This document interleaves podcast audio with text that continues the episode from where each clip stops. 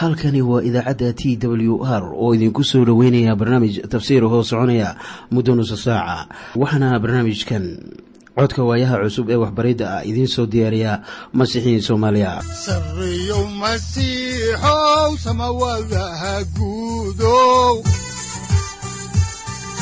Siraadkii adduunkow subanaha eebow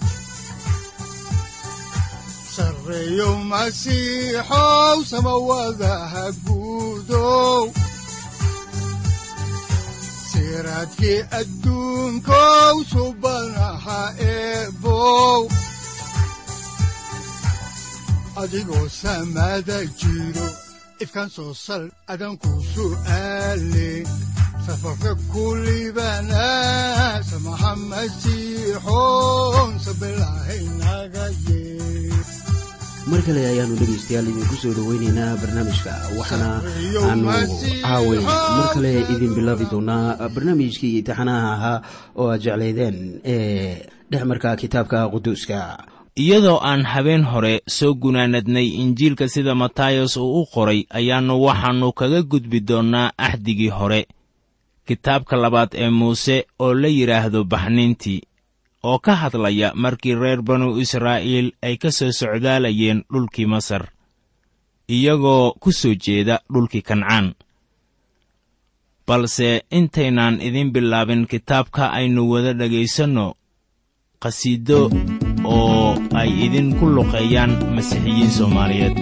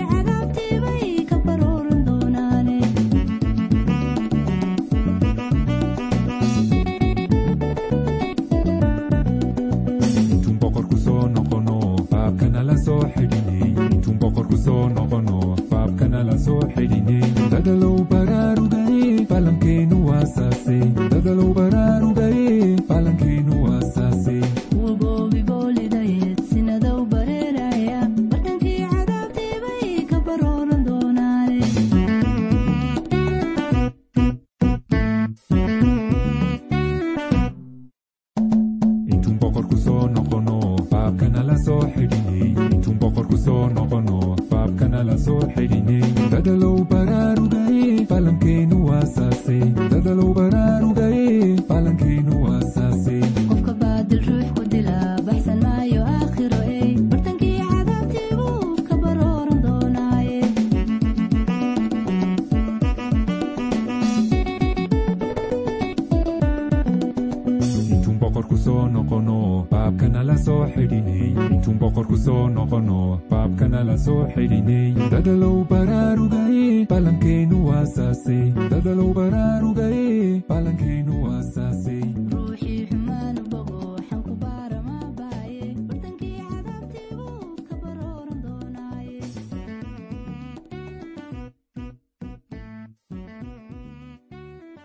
waxaannu haatan soo gaarnay kitaabkii labaad ee muuse oo loo yaqaanno baxniintii.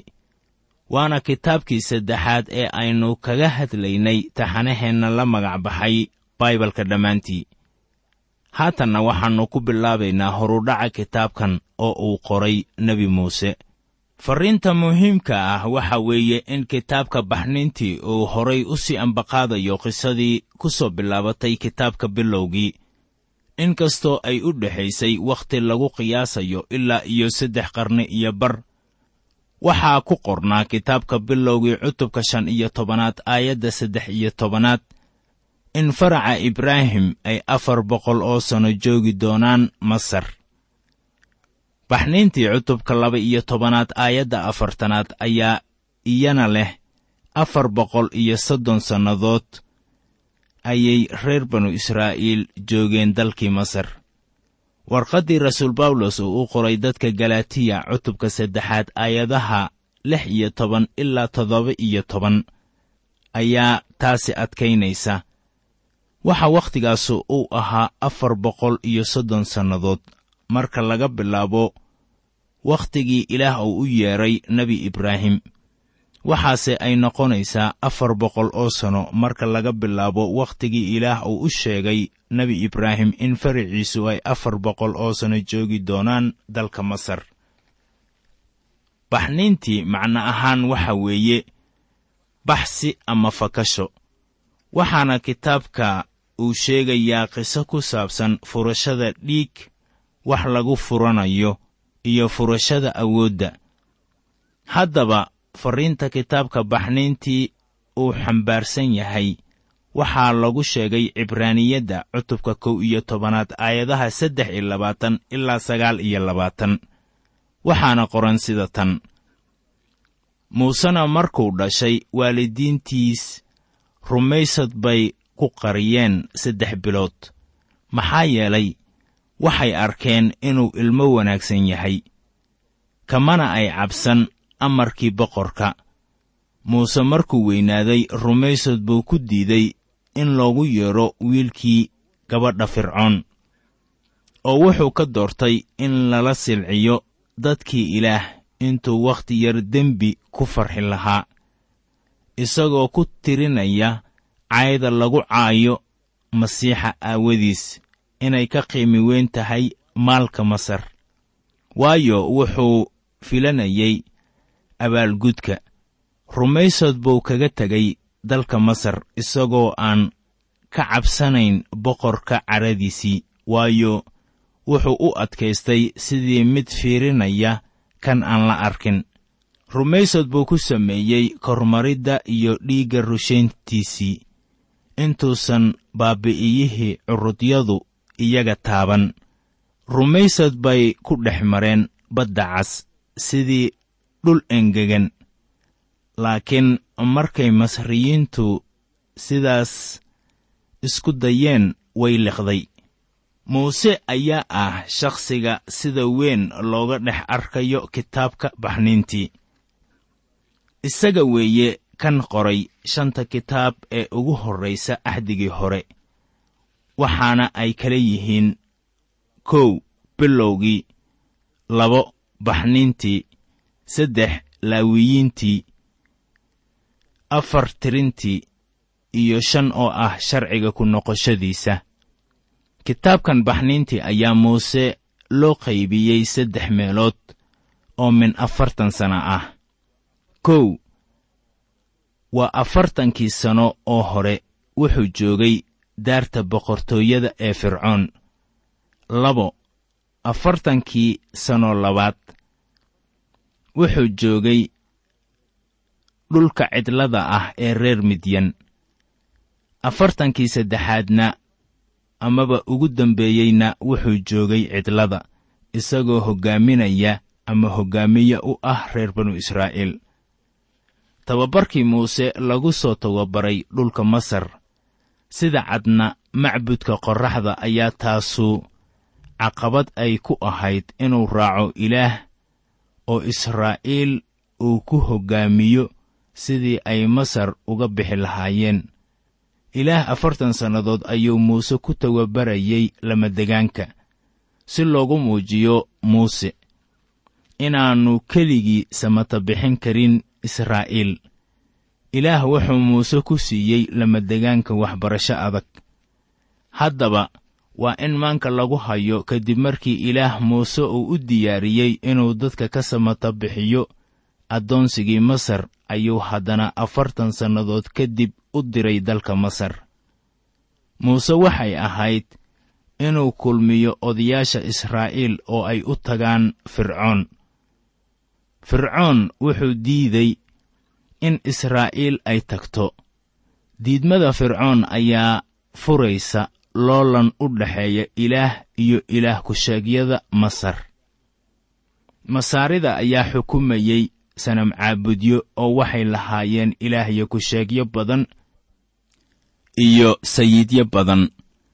Waxaa kaloo dalka masar ku yiilay macbudyo gaaraya kumannaan waxaana kaloo ka buuxay sanamyo gaaraya malaayiin. Sanam caabudkana waxaa ka dambeeya shayddaanka diinta masaariduna waxay lahayd awood. Haddaba waxaa ku qoran warqaddii labaad ee timoteyos uu ka helay bawlos cutubka saddexaad aayadda siddeedaad ee baalka saddex boqol toddobaatan iyo afar sida tan. Sida yaniis iyo yambaris isu hortaageen muuse saas oo kale kuwanuna runtaa ay isu hortaagaan.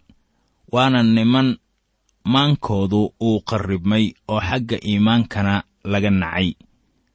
Haddaba fircoon wuxuu yidhi sida ku qoran kitaabkii labaad ee muuse oo la yidhaahdo baxnayntii cutubka shanaad aayadda labaad sida tan. Markaasaa fircoon wuxuu yidhi waa ayo rabbiga ay waajibka igu tahay inaan codkiisa maqlo oo aan reer banu israa'iil sii daayo. Anigu garan maayo rabbiga oo weliba sii dayn maayo reer banu israa'iil inay tagaan. Ilaah isaga ayaa isbari doona fircoon. Haddaba fircoon wuu gartay ilaah oo uu u aqoonsaday inuu yahay ilaah sida ku qoran baxnayntii cutubka sagaalaad aayadda toddoba iyo labaatanaad waxaana qoran sida tan. Markaasaa fircoon cid uu u diray uu u yeedhay muuse iyo haaruun oo wuxuu iyagii ku yidhi markan waan dembaabay rabbigu waa xaq aniga iyo dadkaygana shar baannu leennahay waxaa kaloo uu yidhi sida ku qoran baxnayntii cutubka tobanaad aayadda lix iyo tobanaad oo leh markaasaa fircoon dhaqso uu ugu yeedhay muuse iyo haaruun oo wuxuu ku yidhi waan ku dembaabay rabbiga ilaahiinna ah iyo idinkuba su'aal ayaa dhacdadan ka soo baxaysa waxaana weeye maxaa keenay balaayooyinka? Balaayooyinku waxay ahaayeen haddaba dagaal ilaah uu kula dagaalamayo ilaahyadii dalka masar. Balaayo kastana waxaa loo nisbeeyey ilaah ku-sheegyada qaaska ah ee dhulka masar. Waxaa kaloo ku qoran kitaabka baxnayntii cutubka laba iyo tobanaad isla aayadda laba iyo tobanaad sida tan. Waayo habeenkaas waxaan dhex mari doonaa dalka masar oo waxaan wada layn doonaa curudyada dalka masar oo dhan kuwa dadka iyo kuwa duunyadaba. Oo ilaahyada masar oo dhan waxaan ku soo dejin doonaa xukumo. Anigu waxaan ahay rabbiga. Haddaba ilaah wuxuu doonayaa inuu dadkiisa u muujiyo in isaga rabbiga ah uu wax badan ka weyn yahay ilaahyada masar oo uu leeyahay awood isaga rabbiga ah uu ku samato bixiyo. Iminkana aynu ka hadalno aaraahda kitaabkan. Aayadaha ugu dambeeya ee kitaabka baxnayntii waxay ku xidhan yihiin sidaan horay u soo aragnayba qisooyinkii ku qornaa kitaabkii koowaad ee muuse loona yaqaano bilowgii waxaa marka hore la qoray kuwii markii hore yimid waxaana lagu soo daray kuwii kale ee dhashay sannadihii ka dambeeyey. Kitaabka baxnayntii cutubka koowaad aayadda toddobaad ayaa sii wadaya qisadii kitaabka bilowgii. Aayadda ugu muhiimsan ee kitaabkan baxnayntii ayaa waxay noqonaysaa aayadda labaad ee cutubka labaatanaad waxaana qidcadu ay leedahay anigu waxaan ahay rabbigii ilaahaaga ah oo kaa soo bixiyey dalkii masar iyo gurigii addoonsiga. Waxaannu haatan soo gaarnay maaddada ah israa'iil oo joogta dalka masar. Haddaan markii ugu horraysay idin bilowno xigashada kitaabka baxnintii ayaa waxaa ku qoran cutubka koowaad aayadaha kow ilaa lix sida tan. Haddaba waa kuwan magacyadii wiilashii israa'iil oo masar yimid. Nin walba iyo reerkiisiiba waxay la yimaadeen yacquub rubeen simecoon laawi iyo yuhuuda isakaar sebeluun iyo benyamiin daan naftaali gaad iyo aasheer. Oo dadkii ka soo go'ay xanjaadkii yacquub oo dhammu waxay ahaayeen toddobaatan qof yuusufna masar buu markii hore joogay. Yuusufna iyo walaalihiis iyo farcankaas oo dhanba way wada dhinteen. Kitaabka baxniinta waxa weeye dhammaystirka kitaabka bilowgii. Dhimashadii yuusuf ayuu ku soo dhammaaday kitaabka bilowgii. Haatanna kitaabka baxniinta wuxuu inoo sheegayaa yuusuf iyo walaalihiis iyo farcankaas oo dhan inay dhinteen waxaana dhammaaday saddex qarni iyo bar. Iminkana aynu eegno maaddada kale ee ah addoonsigii masriyiinta. Bilowga cutubka afartan iyo lixaad ayaa ilaah uu leeyahay israa'iil way badan doontaa oo tarankooduna waa kordhi doonaa oo waxay quruun weyn ku dhex ahaanaysaa dhulka masar. Maadaama aynu nimid aayadda toddobaad ayaa waxyigaasu uu dhab noqonayaa waxaana aayadda toddobaadi ay leedahay oo reer banu israa'iil waa bateen oo aad bay u kordheen wayna tarmeen oo aad iyo aad u xoogaysteen dhulkiina way buuxiyeen. Aayadda siddeedaadna ayaa inoo sheegaysa in isbeddel weyni uu dhacay waxaana qoran haddaba masar waxaa ka kacay boqor cusub oo aan yuusuf aqoonin. Waxaa qabsaday carshigii boqortooyada nin cusub oo aan weligii maqal yuusuf. Laga bilaabo boqortooyadii raacatada ahayd ee ahaa reer saam in la afgembiyey oo boqortooyadii hore ee masriyiintii oo la afgembiyey ay mar kale ku soo noqdeen carshigii boqornimada boqorkan cusub maba uusan garanaynin nebi yuusuf oo xilna iskama uusan saarin isaga iyo fariciisa. Waxaa jiray wakhti yuusuf si weyn looga garanayay oo uu ahaa geesi oo keentay inaan jidhkiisa xitaa laga qaadin dhulkii masar. Boqorkan cusub oo haatan awoodda qabsaday ma ahan mid u uurdabcaya israa'iiliyiinta sidii ay ahaayeen boqorradii ka horreeyey.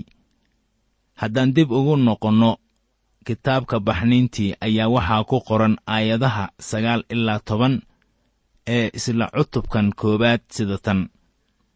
Markaasuu wuxuu dalkiisii ku yidhi bal eega dadkii reer banu israa'iil waa inaga badan yihiin wayna inaga xoog weyn yihiin kaalaya aynu si caqli ah ula macaamiloonne waaba intaasoo ay tarmaan oo ay markuu dagaal dhaco cadaawayaasheenna inoogu darmadaan oo intay inala diriraan ay dalka ka baxaane.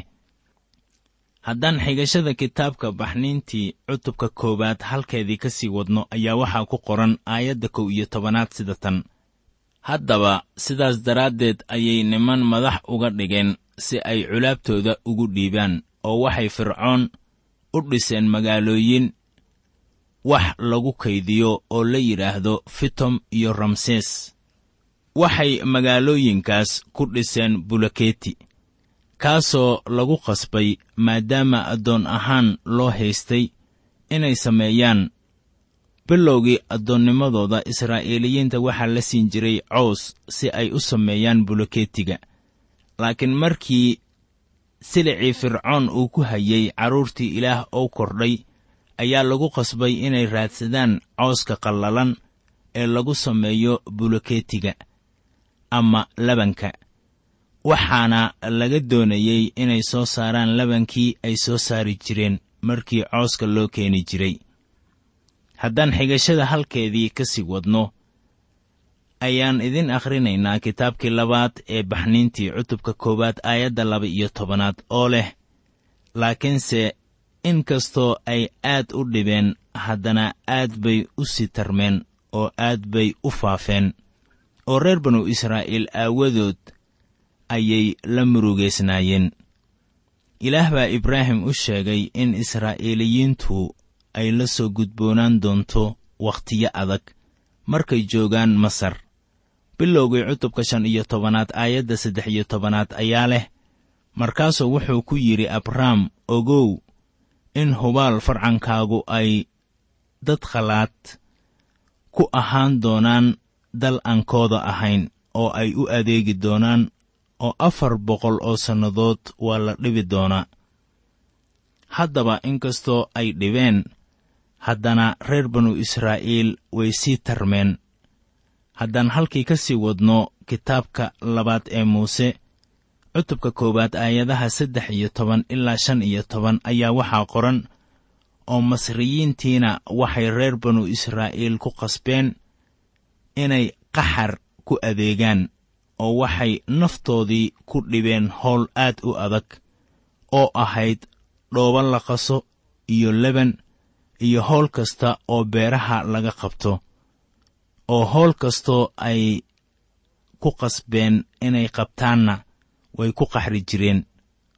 Markaasaa boqorkii masar wuxuu la hadlay umulasooyinkii cibraaniyadaha ahaa oo middood magaceeda la odhan jiray sifraah. Tan kalena magaceeda fuwaah la odhan jiray masriyiintii ma ayan addoonsan jirin oo keliya reer banu israa'iil laakiin si xun bay ula macaamiloon jireen xitaa. Iyadoo weliba silacaasu uu haysto ayaa ilaah barakadiisii ay la jirtay oo waxaa siyaaday tirsigoodii. Boqorkuna wuxuu ogaaday sida ay addoommadu ugu sii badanayaan qarankan wuxuuna la hadlay hooyooyinkii umulasooyinka ahaa si xaalkaas wax looga qabto. Waxay mas'uul ka ahaayeen umulisooyinka hablaha ka dhaliya carruurta haddaan halkeeda ka sii wadno xigashada kitaabka ayaa waxaa ku qoran baxniinta cutubka koowaad aayadda lix iyo tobanaad sida tan oo wuxuu ku yidhi markii aad umulinaysaan naagaha cibraaniyadaha oo aad aragtaan iyagoo gambarka umusha fadhiya. Haddii uu wiil yahay waa inaad dishaan. Haddayse gabar tahay ha iska noolaato. Iminka waxaannu u weecanaynaa maaddadan ee ah geesinimadii labadii dumarka ahayd. Haddaan halkii ka sii wadno xigashada labaad waa kitaabka labaad ee muuse oo la yidhaahdo baxniintii cutubka koowaad aayadaha toddoba iyo toban ilaa labaatan ayaa waxaa qoran sida tan. Laakiinse umulisooyinkii ilaah bay ka cabsadeen mana ay samayn. Wixii boqorkii masar uu ku amray ee way badbaadiyeen carruurtii labka ahayd. Markaasaa boqorkii masar uu u yeedhay umulisooyinkii oo wuxuu ku yidhi maxaad waxaan u samayseen oo aad u badbaadiseen carruurtii labka ahayd markaasaa umulisooyinkii waxay fircoon ku yidhaahdeen maxaa yeelay naaguhu cibraaniyaduhu la mid ma aha naagaha masriga oo waa ka dhaqso badan yihiin oo intii aan umulisooyinku u imaan bay umulaan haddaba ilaah si wanaagsan buu u sameeyey umulisooyinkii dadkiina waa tarmay oo aad bay u xoogaysteen haddaan halkii ka sii wadno xigashada ayaa waxaa ku qoran kitaabka baxniintii cutubka koowaad aayadda laba iyo labaatanaad sida tan. Markaasaa fircoon wuxuu dadkiisii ku amray oo ku yidhi wiil kasta oo dhasha waa inaad webiga ku tuurtaan laakiin gabarh kasta waa inaad badbaadisaan. Iminka waxaannu u weecanaynaa cutubka labaad. Aaraar cutubkan ayaa waxaa ina hor yaalla muuse oo ah samatabixiyaha ilaah uu isticmaalayo. Kow iyo tobanka cutub ee ugu horreeya kitaabkan baxniinta isaga ayaa si weyn looga faalloonayaa markaasoo loo arkayo inuu yahay samatabixiyaha reer bani israa'iil. Haddaba kow iyo tobanka cutub sida tan soo socota ayaa loo qaybiyey. Cutubka koowaad addoonsigii israa'iil ee masar cutubka labaad dhalashadii muuse afartankii sanno ee uu joogay aqalka fircoon. Cutubka saddexaad u yeedhistii muuse afartankii sanno ee uu cidlada reer midyan joogay. Waa halka uu kula kulmay duurka gubanaya. Cutubka afaraad soo noqoshadii muuse uu ku soo noqday masar. Ogeysiiskii israa'iil la ogeysiiyey samatabixinta addoonsigii lagu hayey cutubka shanaad ilaa kow iyo tobanaad loolankii fircoon lala galay oo ay ka mid ahayd tobankii balaayooyin ee ku dhacay sanam caabudayaasha dalka masar. Iminkana aynu u gudubno maaddada ah dhalashadii muuse. Haddaan xigashadii halkeedii ka sii wadno ayaan haatan waxaannu idin bilaabaynaa kitaabkii labaad ee muuse oo la yidhaahdo baxniintii cutubka labaad aayadaha kow ilaa labo. Waxaana qoran sida tan markaasaa waxaa tegay nin reer laawi ah oo wuxuu guursaday gabarh reer laawi iyana ah. Markaasay naagtii uuraysatay oo waxay dhashay wiil oo markay aragtay inuu ilmo wanaagsan yahay ayay qarisay in saddex bilood ah. Haddaan dib ugu soo noqonno kitaabka baxniintii ayaa waxaa ku qoran cutubka labaad aayadda saddexaad sida tan. Oo markay in dambe qarin kari weyday ayay waxay soo qaadday abxad coosduur ah. Oo intay dhoobo iyo daamur ku malaastay ayay wiilkii ku ridday oo waxay dhex gelisay duur webiga qarkiisa ka baxay. Haddaan halkaa ka sii wadno qisada ayaa waxaa ku qoran cutubka labaad aayadaha afar ilaa shan sida tan walaashiina waxay taagnayd meel ka fog inay ogaato wixii isaga lagu samayn lahaa. Markaasaa gabadhii fircoon webiga timid inay ku maydhato gabdhihii addoommada u ahaana waxay socdeen webigii dhinaciisa markaasay iyadu waxay aragtay abxadda duurka ku dhex jirta oo waxay u dirtay gabadhii addoonta u ahayd inay u keento haddaan idin akhrinno xigashada ugu dambaysa ee barnaamijkeenna caawa ayaa waxaa ku qoran cutubka labaad aayadda lixaad sida tan. Markaasay furtay oo waxay aragtay wiilkii oo bal eeg yarkii waa ooyey kolkaasay u naxariisatay oo waxay tidhi kanu waa carruurtii cibraaniyadda midkood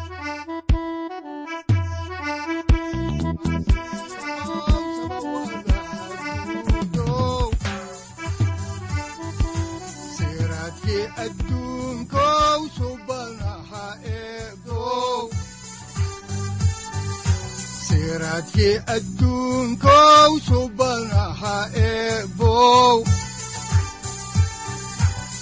adigoo samada jiro ifkan soo saldhiganba adigoo samada jiro ifkan soo saldhiganba kutubtiisanaye halkani waa t w r idaacadda t w r oo idinku leh ilaa ha idin barakeeyo oo ha idinku anfaco wixii aad caawi ka maqasheen barnaamijka. Waxaa barnaamijkan oo kalea aad ka maqli doontaan habeen dambe hadahan oo kale haddiise aad doonaysaan in aad fikirkiina ka dhiibataan wixii aad caawi maqasheen ayaad nagala soo xiriiri kartaan som t w r at t w r c o k e. Haddii aad doonaysaan in aad dejiisataan oo kaydsataan barnaamijka ama aad mar kale dhegaysataan fadlan mar kale booqo www t w r o r g amase waxaad teleefoonkaaga ku kaydsataa ama ku download garaysataa agabyada ku sahli karaa dhegeysiga t w r haddii aad doonayso in laga kaalmeeyo dhinacyada fahamka kitaabka amase aad u baahan tahay duco fadlan fariimahaaga soo mari bogga aaraahda ama kommentska inana jawaab degdeg ah ayaanu ku soo diri doonaa amase ku siin doonaaye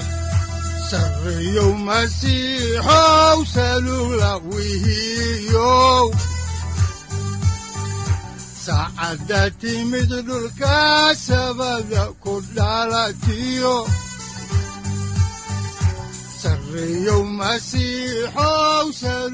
halkani waa t w r oo idiin rajaynaya habeen baraare iyo barwaaqaba leh. Inta aynu ka gaari doono wakhti aynu ku kulanno barnaamij la mida kan caawayay aad maqasheen. Waxa aan idinku leeyahay nabadda ciise masiix ha idinku badato xagga jidhka iyo ruuxaba. Aamiin